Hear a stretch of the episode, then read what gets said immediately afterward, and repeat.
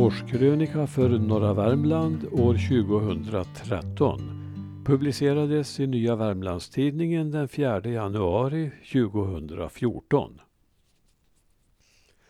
Den 18 januari, ett kapitel i Norra Finnskogas analer slutar denna fredag. Handlaren Petter i Boa, stundom kallad Peter Larsson, gör sin sista arbetsdag i Höljes handel. Affären har varit i familjens ägo sedan 1942 då hans föräldrar Lilly och Axel Larsson köpte rörelsen av Knut-Erik Henriksson.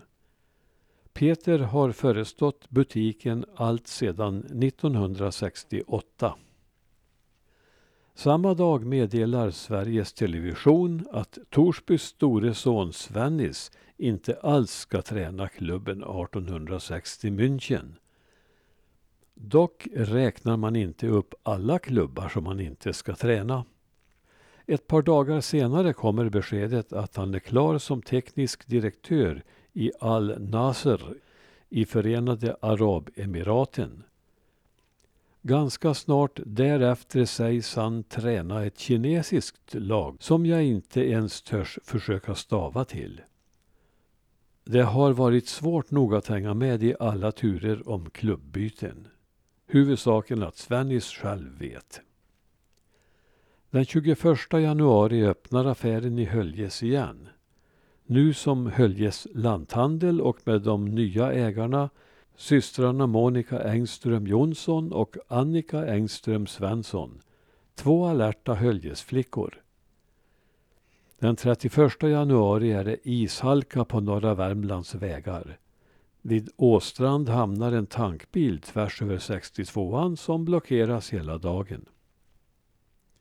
Henrik Strandberg lyckas dra upp en kompis ur sjön Kläggen natten till lördag den 16 februari sedan dennes skoter sjunkit genom isen.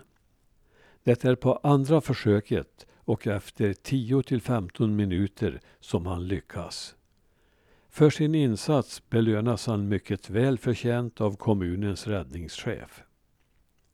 Den 28 februari meddelar NVT att Thomas Klier tänker omvandla 25 hektar skogsmark i Norra Skoga till åkermark. Förhoppningsvis startskottet för ett nytt landsbygdstänkande. Den 22 mars, Anette Zettergren, bedrägerimisstänkt sjukgymnast, grips i Thailand. Den 5 och 17 april inbrott i Coop Sysslebäck, cigarettstölder. Den 5 april Sebastian Hovelsås vinner SM i skicross för herrar 14 och 15 år. Mitten av april, Camping 45 i Vägsjöfors har tack vare en klar miljöprofil utsetts till Årets innovatör av Sveriges camping och stugägares riksorganisation. Den 20 april, Nordvärmlands FF tar tre individuella priser vid Idrottsgalan i Torsby. Sebastian Hovelsås blir årets rookie. Den 21 april, Arvid Olsson, Nytorparn, lämnar det strävsamma jordelivet. April, under andra halvan av månaden skär vårfloden av flera vägar. Hotfullt för väg 62 vid Varån där en isdamm ligger och lurar. Annika Wass stänger loftet i Munkebol och pensionerar sig. Verksamheten har drivits i 48 år. Diskussioner pågår om placeringen av ambulanshelikoptern. Den 24 maj Torsby kommunfullmäktige beslutar att Torsby filmkulturcenter ska flyttas till Lekvattnet, vilket jag föreslog i en debattartikel redan 1992. Det har alltså tagit 21 år att fatta poängen. Förlägg Torsby filmkulturcentrum till Lekvattnet föreslog jag men vann inget gehör. Den hedervärde Värmlandskämpen Erik Elinder som möjligen låg bakom hela idén, kontaktade mig och bad mig tänka om. Men nog bör ett Finnskogsmuseum ligga i Finnskogen. Under våren bildas fiberföreningar runt om i kommunen. Vem kunde ha anat för tio år sedan att man skulle bli med i en sådan? Juli. Norra Finnskoga dominerar nyhetsflödet. Rallycross-EM, kändisfotboll och annat livat. 29 200 personer besöker rallybanan. Norrmannen Andreas Backerud vinner supercar-klassen. Vid Höljesdammen pågår förstärkningsarbete och den 16 juli meddelar tidningarna att bygget av köpcentrum i Långflon ligger i startgroparna. Kostnad 250 miljoner. I första etappen av två byggs 7800 kvadratmeter. Första spadtaget tas i augusti. Om ett år är etapp ett byggd och då påbörjas etapp två. 200 personer beräknas få jobb i det färdiga köpcentret. Ingen av byns fyra invånare torde klaga på servicen. Den 17 juli, nästan på dagen ett år efter avslöjandet, åtalas Anette Zettergren. Näthatet florerar på sociala medier. Sommaren. Uppröjning med röjsåg eller djur utförs här och där längs älvstränderna i projekten Fri sikt och Friskt bete i Klarälvdalen. Efterföljansvärt. Den 17 augusti, en svart dag i norra Värmland. Tidigt på lördagsmorgonen omkom tre ungdomar i en singelolycka vid Önnerud, strax norr om Torsby. Samma dag invigde landshövdingen ett nytt naturreservat vid Dundern i södra Finnskoga. Augusti.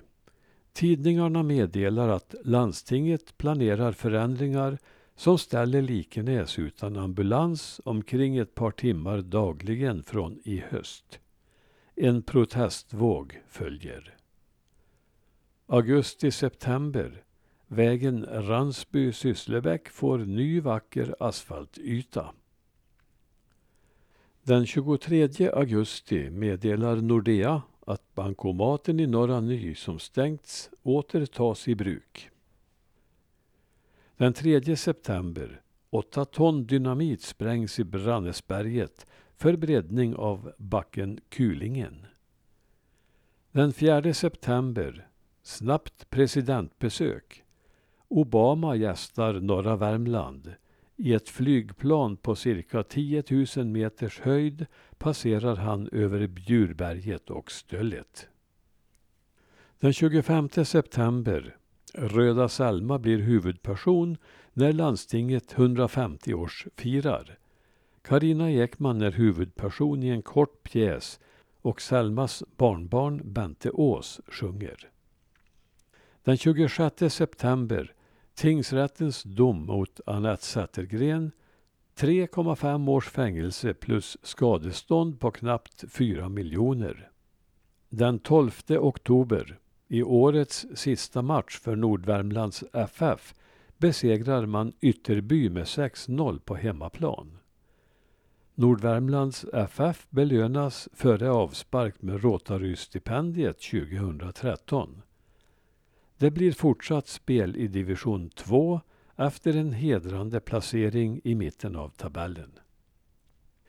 Vecka 43 Global kunskaps filmvecka The Green Planet växer för varje år och omfattar nu tre kommuner. De ämnen som tas upp gäller jordens framtid. Bråda dagar för Bengt Jonsson och Stefan Degerlund med flera. Den 23 oktober.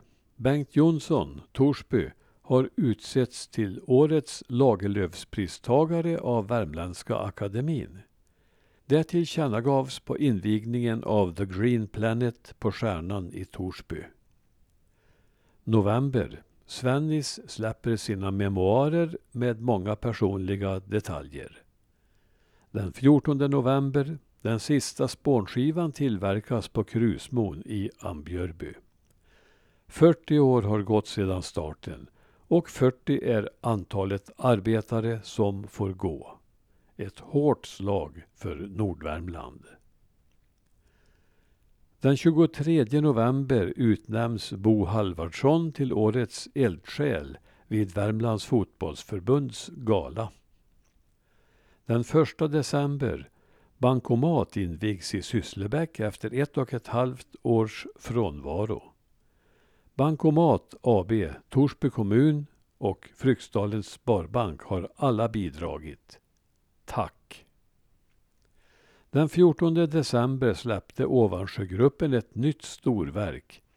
Ovansjöbygden, folket i bild. Imponerande. Finns något kvar att dokumentera? Den 20 december skärpte hovrätten domen mot Anette Zettergren till fyra års fängelse och 4,2 miljoner kronor i skadestånd. Inte riktigt vad hon tänkte när hon överklagade tingsrättens dom.